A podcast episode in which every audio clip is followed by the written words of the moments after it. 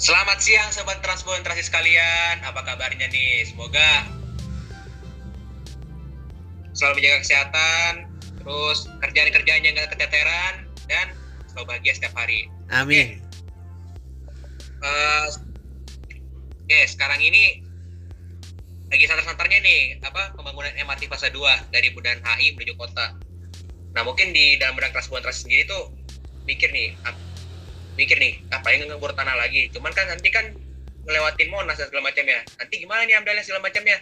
Nah tenang sobat transplantasis kali ini kita bakal ngebahas tentang fase 2 MRT yang bakal ngelewatin bakal ngelewatin Tugu Monas terus berakhir di stasiun kota.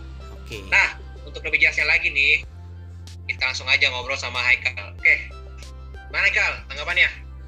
Wah mantap sih Nok mantap uh, eh, gue Alhamdulillah jadi pemerhati MRT banget ya sejak 2019 sejak kemunculannya di permukaan tuh. Ya jadi doyan.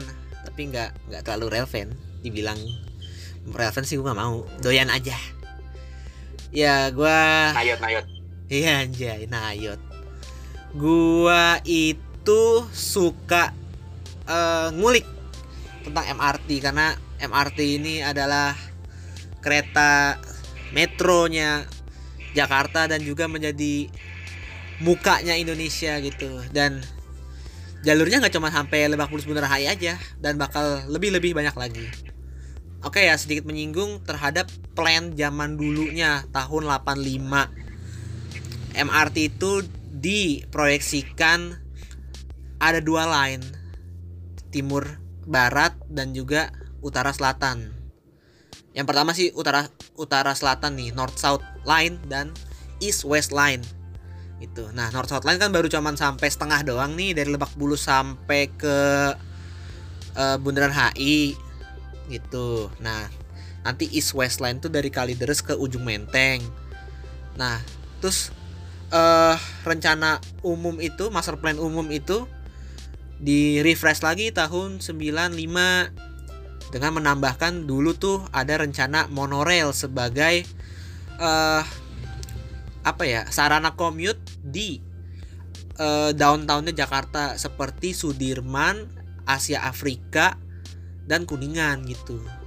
Dan salah satu lagi sih ada dari Kampung Melayu ke Taman Anggrek gitu. Cuman kan udah dibangun sama JLNT jadi ya nggak bisa gitu.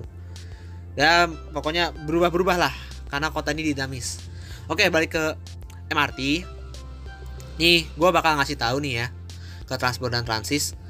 Uh, jadi dari Lebak Bulus ke kota ini bakal 45 menit perjalanannya. Nggak sampai sejam.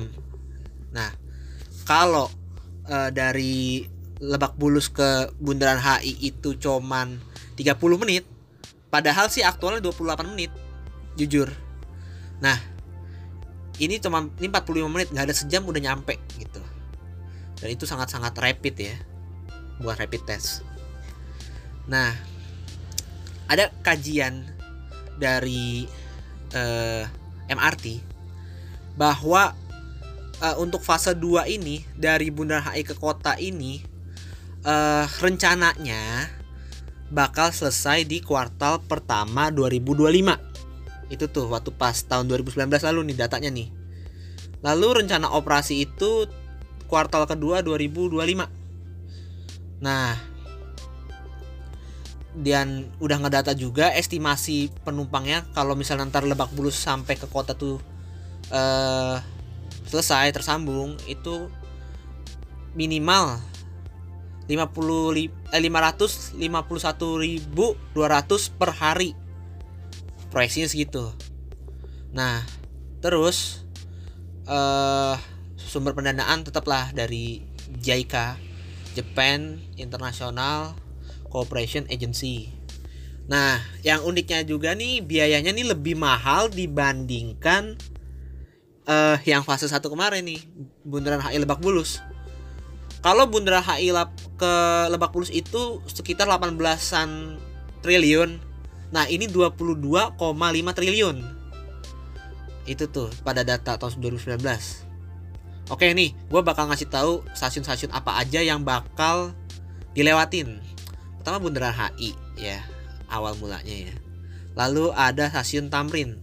Nah kalau di feasibility feasibility study atau master plan zaman dulu stasiun Tamrin itu namanya bukan Tamrin tapi malahan Sarinah.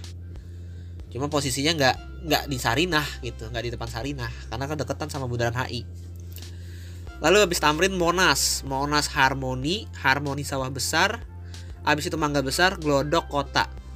Nah tuh ada 7 stasiun layang. Jadi total total uh, dari Lebak Bulus ke kota itu ada 20 terdiri dari 7 stasiun layang uh, lalu 13 dari Senayan sampai kota itu underground gitu tadi gue ngomong layang ya kalau nggak salah sorry banget nih nah Oke, kita mulai sedikit menyinggung ke arah teknik. Jadi, nanti bentuknya itu kan underground, pasti pakai terowongan. Bobol bobol jalan lagi. Amburadul lagi, ambiar lagi. Nah, dan juga segala macam wah, ini ribet banget. Ribet banget. Karakteristik terowongan itu dari Bundaran HI sampai Harmoni itu uh, atau sampai Monas kayaknya sih ya itu bakal sejajar. Jadi peronnya peron pulau atau peron di tengah gitu kayak ya sekarang ini. Nah tapi dari Monas ke Harmoni itu mulai jalurnya atas sama bawah bertumpuk gitu. Pokoknya tuh dari Harmoni sampai ke uh, Mangga Besar jadi Harmoni itu kemungkinan besar Harmoni itu udah bertumpuk. Lalu sawah besar juga bertumpuk mangga besar juga bertumpuk gitu. Uh, secara secara uh, kesipilan atau ke teknik sipilan itu menurut gue sih ini yang bikin jadi mahal. Karena ya ditumpuk itu loh kenapa nggak uh, sejajar gitu? Karena ada kali tengahnya itu ada kali apa sih namanya tuh uh, Molenfleet kalau bahasa lamanya Molenfleet Nah, terus uh, spesifikasi jalurnya itu panjang jalur 5,8 km, jarak antar stasiun itu 0,6 sampai 1 km. Jenis relnya 54 R54. Lalu lebar jalur sama kayak KRL 1067 mm. Sistem operasinya dengan GOA 2 sama kayak sekarang Ratangga. Nah, untuk aliran listrik itu diproyeksikan 150 kilovolt dari dua gardu PLN. Kemungkinan besar pakai gardu Senayan sama Bulungan gitu. Atau mungkin Muara Karang ikut serta, nggak tahu juga sih. Uh, dan juga 60 MV total dayanya. Nah, kan selama dari Bundaran HI sampai kota nih banyak banget uh, cagar budaya dan juga uh, bangunan-bangunan vital lainnya ya. Kayak misalnya tuh uh, Tugu Jam Tamrin, Bank Indonesia, Monas, Museum Gajah, terus uh, Istana Presiden, terus ada gitu gedung Istana Harmoni, gedung Arsip Nasional, terus juga Chandranaya, terus stasiun kota terlebih tuh Museum Bank Mandiri, terus Glodok ya kayak misalnya pasar Indo TVS dan segala macem gitu ya. Itu gimana nih untuk mengatasi ini gitu? Nah kita berbicara uh, tentang keteknikannya ya. Pertama uh, di Tamrin itu uh, sekarang posisinya terakhir gua pantau ya itu deket gedung Lipo atau uh, apa Sinarmas itu sedang dibongkar nih. Kemungkinan besar tuh akan dibolongin itu sebagai awal mulanya terowongan itu dibangun. Karena kan sekarang nih di Bundaran HI itu spurnya sepur baduk ya abis gitu. Nah ini ntar dibobol gitu, dilanjutin lagi. Nah Tamrin itu posisinya tuh ada di depan uh, stasiunnya sih gede. Itu nah si Tamrin ini bakalan jadi interchange atau uh, moda integrasi transfer antar MRT juga untuk MRT yang ke uh, jurusan East West Line gitu. Nah, jadi dia itu berada posisinya ya stasiun Tamrin itu ada di uh, ada namanya Tugu Tugu Jam Tamrin ya. Nah itu di bawahnya gitu. Pokoknya di bawahnya Kementerian Agama, di bawahnya BI, terus juga deket banget sama apa sih ada gedung mandiri tuh Tamrin 10 ya pokoknya situ deh nah, itu akan jadi panjang banget sampai terus ke arah uh, perempatan patung kuda yaitu stasiun Tamrin nah itu menurut gue itu akan habis-habisan untuk rekayasa lalu lintasnya sekarang aja kan uh, halte TJ uh, apa ya Bank Indonesia itu udah dipindahin ke temporary di, di sebelah kiri dan kanannya ya, bukan di tengah. Kayak waktu dulu tuh di Masjid Agung pernah begitu. Ya temporary sih, tapi lima tahun. Nah, terus gue awalnya concern nih terhadap Monas. Kenapa gitu? Wah Monas berarti tengah-tengah nih uh, yang ada halte Monas bakal digusur juga nih.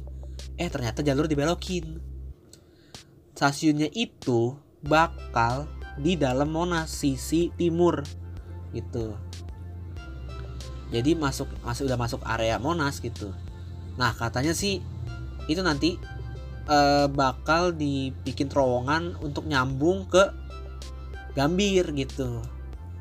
Jadi terintegrasi dengan Gambir stasiun KAJJ kereta jarak jauh dan juga Transjakarta pastinya. Nah setelah itu uh, ke harmoni. Jalurnya agak belok ke kiri mele melewati sisi kirinya istana presiden. Nah di harmoni itu kemungkinan besar ya sudah uh, stuck atau bertumpuk gitu. Jadi peronnya peron atas sama peron bawah gitu. Gue nggak tahu ya kalau sekarang itu peronnya MRT kan sama kayak kereta biasa ya. Itu gue nggak tahu yang mana bakal ke bawah yang mana yang mana itu bakal di atas gitu dan itu katanya bakal 4 level dari permukaan tanah. Kemungkinan besar 20 lantai ke bawah sih. Nah, gila gede banget. Dan ini tuh uh, katanya di sisi kiri. Nah terus gue bingung kenapa harus di sisi kiri? Kenapa nggak di sisi kanan gitu? Ada apa gitu? Ya mungkin ada. Kalau menurut gue sih ada cagar budaya cagar budaya yang uh, vital juga ya kayak misalnya masjid kebon jeruk istana harmoni dan juga kayak misalnya Lindo Teves ataupun gedung apa sih tuh yang di Gajah Mada yang bentuknya warna warna kayak pot gitu. Kemungkinan besar tuh itu sih yang menjadi concernnya. Makanya di sebelah sisi kiri itu uh, bertumpuk. Tapi dari abis itu kan kalinya belok ke kanan ya ke arah timur ya mas uh, keluar gitu dari tengah-tengah jalan. Jalan jalannya jadi jadi itu lagi uh, tidak dibelah dengan kali. Itu uh, stasiun Glodok itu kemungkinan besar dia akan sejajar lagi. Dan untuk stasiun kota kemarinan lihat dari uh, bentukan render yang dikasih MRT itu penataan stasiun kota katanya itu bakal di depannya stasiun kota gitu stasiun KRL jadi uh, misalnya kalau kita bayangin ya transport dan transis nih dari A mau ke arah utara tuh posisi dari kiri ke kanan tuh ada Museum Mandiri, jalan halte Transjakarta, jalanan lagi baru stasiun kota. Nah, di antara uh, di antara halte dan stasiun KRL itu itu dibangun stasiun kota itu. Tapi ada yang bilang juga di sebelum perempatan stasiun kota gitu. Perempatan Beos. Masih kurang tahu juga sih ntar gimana. Nah, eh uh, gue juga masih bingung ya kenapa diambil sisinya sebelah kiri yang tadi tuh gue bilang apa mungkin nanti ada mohon maaf nih hanya asumsi belaka? Apakah nanti dari ada bunker dari istana presiden ke Harmoni untuk siapa tahu ke, keadaan lagi genting dia naik MRT KLB ke duku atas terus langsung ke airport naik kereta bandara ya kita nggak ada yang tahu gitu lah. Uh, sebuah threat analisis tuh pasti ada gitu. Dan menurut gue nih bakalan keren sih dan sulit rumit banget. Kayak gimana uh, bentukan jadinya gimana gitu. Mungkin kalau dari Raffi ada pendapat gitu uh, terkait dengan bidang geomatika? Apakah penurunan tanah ataupun uh, apa ya pemetaan di dalam tanah nih kira-kira ada benda-benda cagar budaya? Karena masalah terbesarnya MRT untuk fase 2 ini paling besar itu paling utama itu masalah ada nggak sih di bawah nih? Di bawah nih ada cag benda cagar budaya nggak sih? Gue takut nabrakin nih. Karena ini bukti sejarah nih. Mungkin Raffi bisa ngasih tahu gitu Vi gimana tuh Vi untuk langkah preventifnya? Ya kalau dari pengen tahu yang mau dibangun itu ada situs sejarah atau enggak ya dari pandangan geodesi dan geomatika sendiri sih ada surveinya kan sebelum membangun sesuatu kan ada yang di dunia survei itu namanya survei pendahuluan mm -hmm. dengan tujuan kita di survei pendahuluan itu untuk mengetahui hmm. Apa aja sih yang ada di lapangan dan juga menentukan titik-titik ikat apa titik-titik kontrol untuk proses pengukuran atau hmm. survei yang akan dilakukan jadi kalau mau survei itu harus ada kerangka acuannya gitu loh apa poligonnya yang mau dibentuk seperti apa agar mempermudah dalam membuat peta yang akan dipakai untuk membantu pembangunan jalur MRT itu. Dan juga ya ada alat juga semacam seperti eco sounder gitu tapi lupa namanya ya tapi untuk yang di darat. Jadi untuk tahu di bawah tanah itu yang bawah tanah yang akan dibangun itu ada benda apa atau hanya tanah aja atau ada mungkin saluran kabel atau yeah. ada saluran air bawah tanah, saluran limbah mm-hmm. atau mungkin bisa yang dikhawatirkan tadi apa cagar budaya yang udah ribuan tahun, puluhan juta tahun terpendam di situ. Jadi untuk menghindari hal tersebut di, perlu diadakannya surveying pendahuluan gitu. Betul. Nah, gue mau lanjutin lagi. Uh, ternyata uh, untuk proyek fase 2 MRT ini molor. Molor karena waktu pas 2019 MRT meluncur tanggal 24 Maret tuh langsung dicanangkan untuk fase 2. Baru tereksekusi Juni 2020. Sekarang sih ya bener-bener kayak udah cepet-cepetan gitulah uh, cepet-cepetan uh, langsung ngebangun gitu tapi ada banyak problematikanya nih yaitu salah satunya kontraktor jadi gue sebutin ya yang baru dikerjakan sekarang ini untuk uh, stasiun Tamrin sampai Monas. Gitu. Dan di data lagi tahun 2020 kemarin itu alhasil ya MRT baru bisa sampai kota ini 2027 molor 2 tahun dari harusnya 2025 gitu. Nah wah kenapa tuh? Ternyata ya masalahnya ada terhadap kontraktor Jepangnya. Jadi ini gue kasih tahu uh, fase 2 itu dibagi itu ya dua dua tahap ya. Ada fase 2A dari Bundaran HI ke kota ada fase 2B dari kota ke Ancol uh, sampai ke depo. Nah uh, untuk fase 2A ini dibagi lagi tuh namanya construction package CP201 sampai CP20 kalau nggak salah 3 204 205 itu nanti untuk 2B yang eh, mana? 201 itu dari Bundaran HI sampai ke Harmoni. Melewati stasiun Tamrin dan Monas.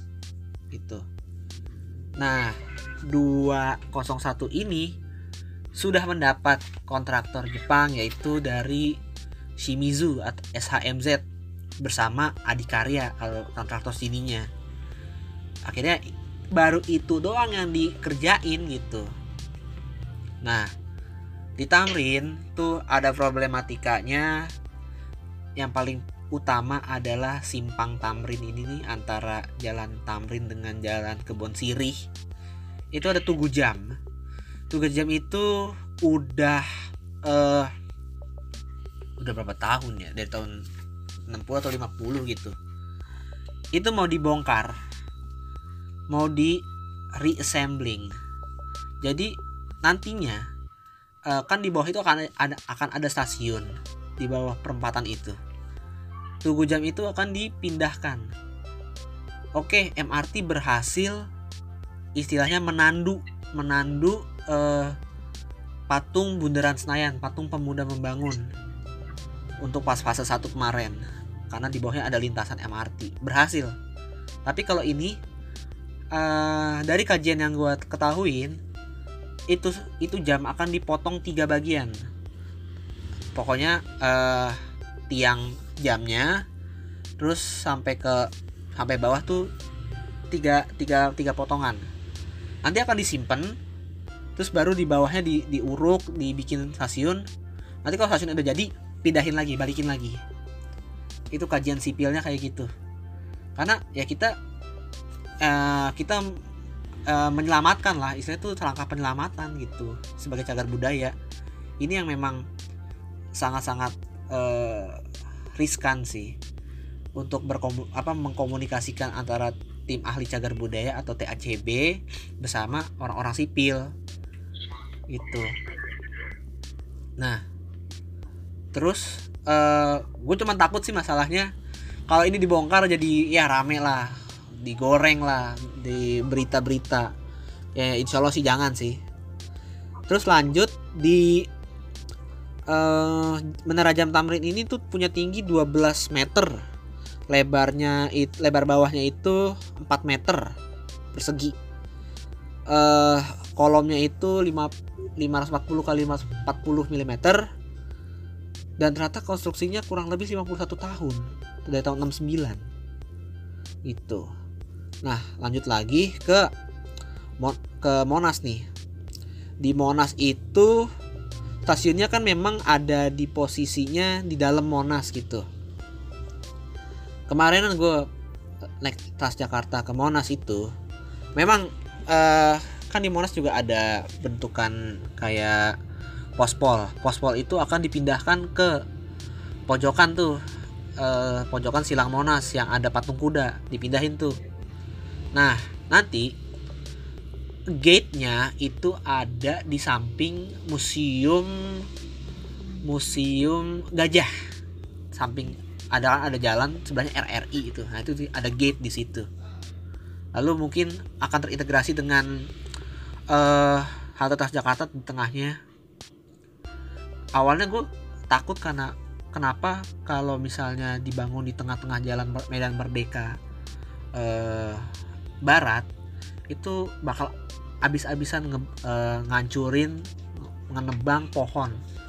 So akhirnya lintasannya dimasukin ke dalam eh, Monas gitu.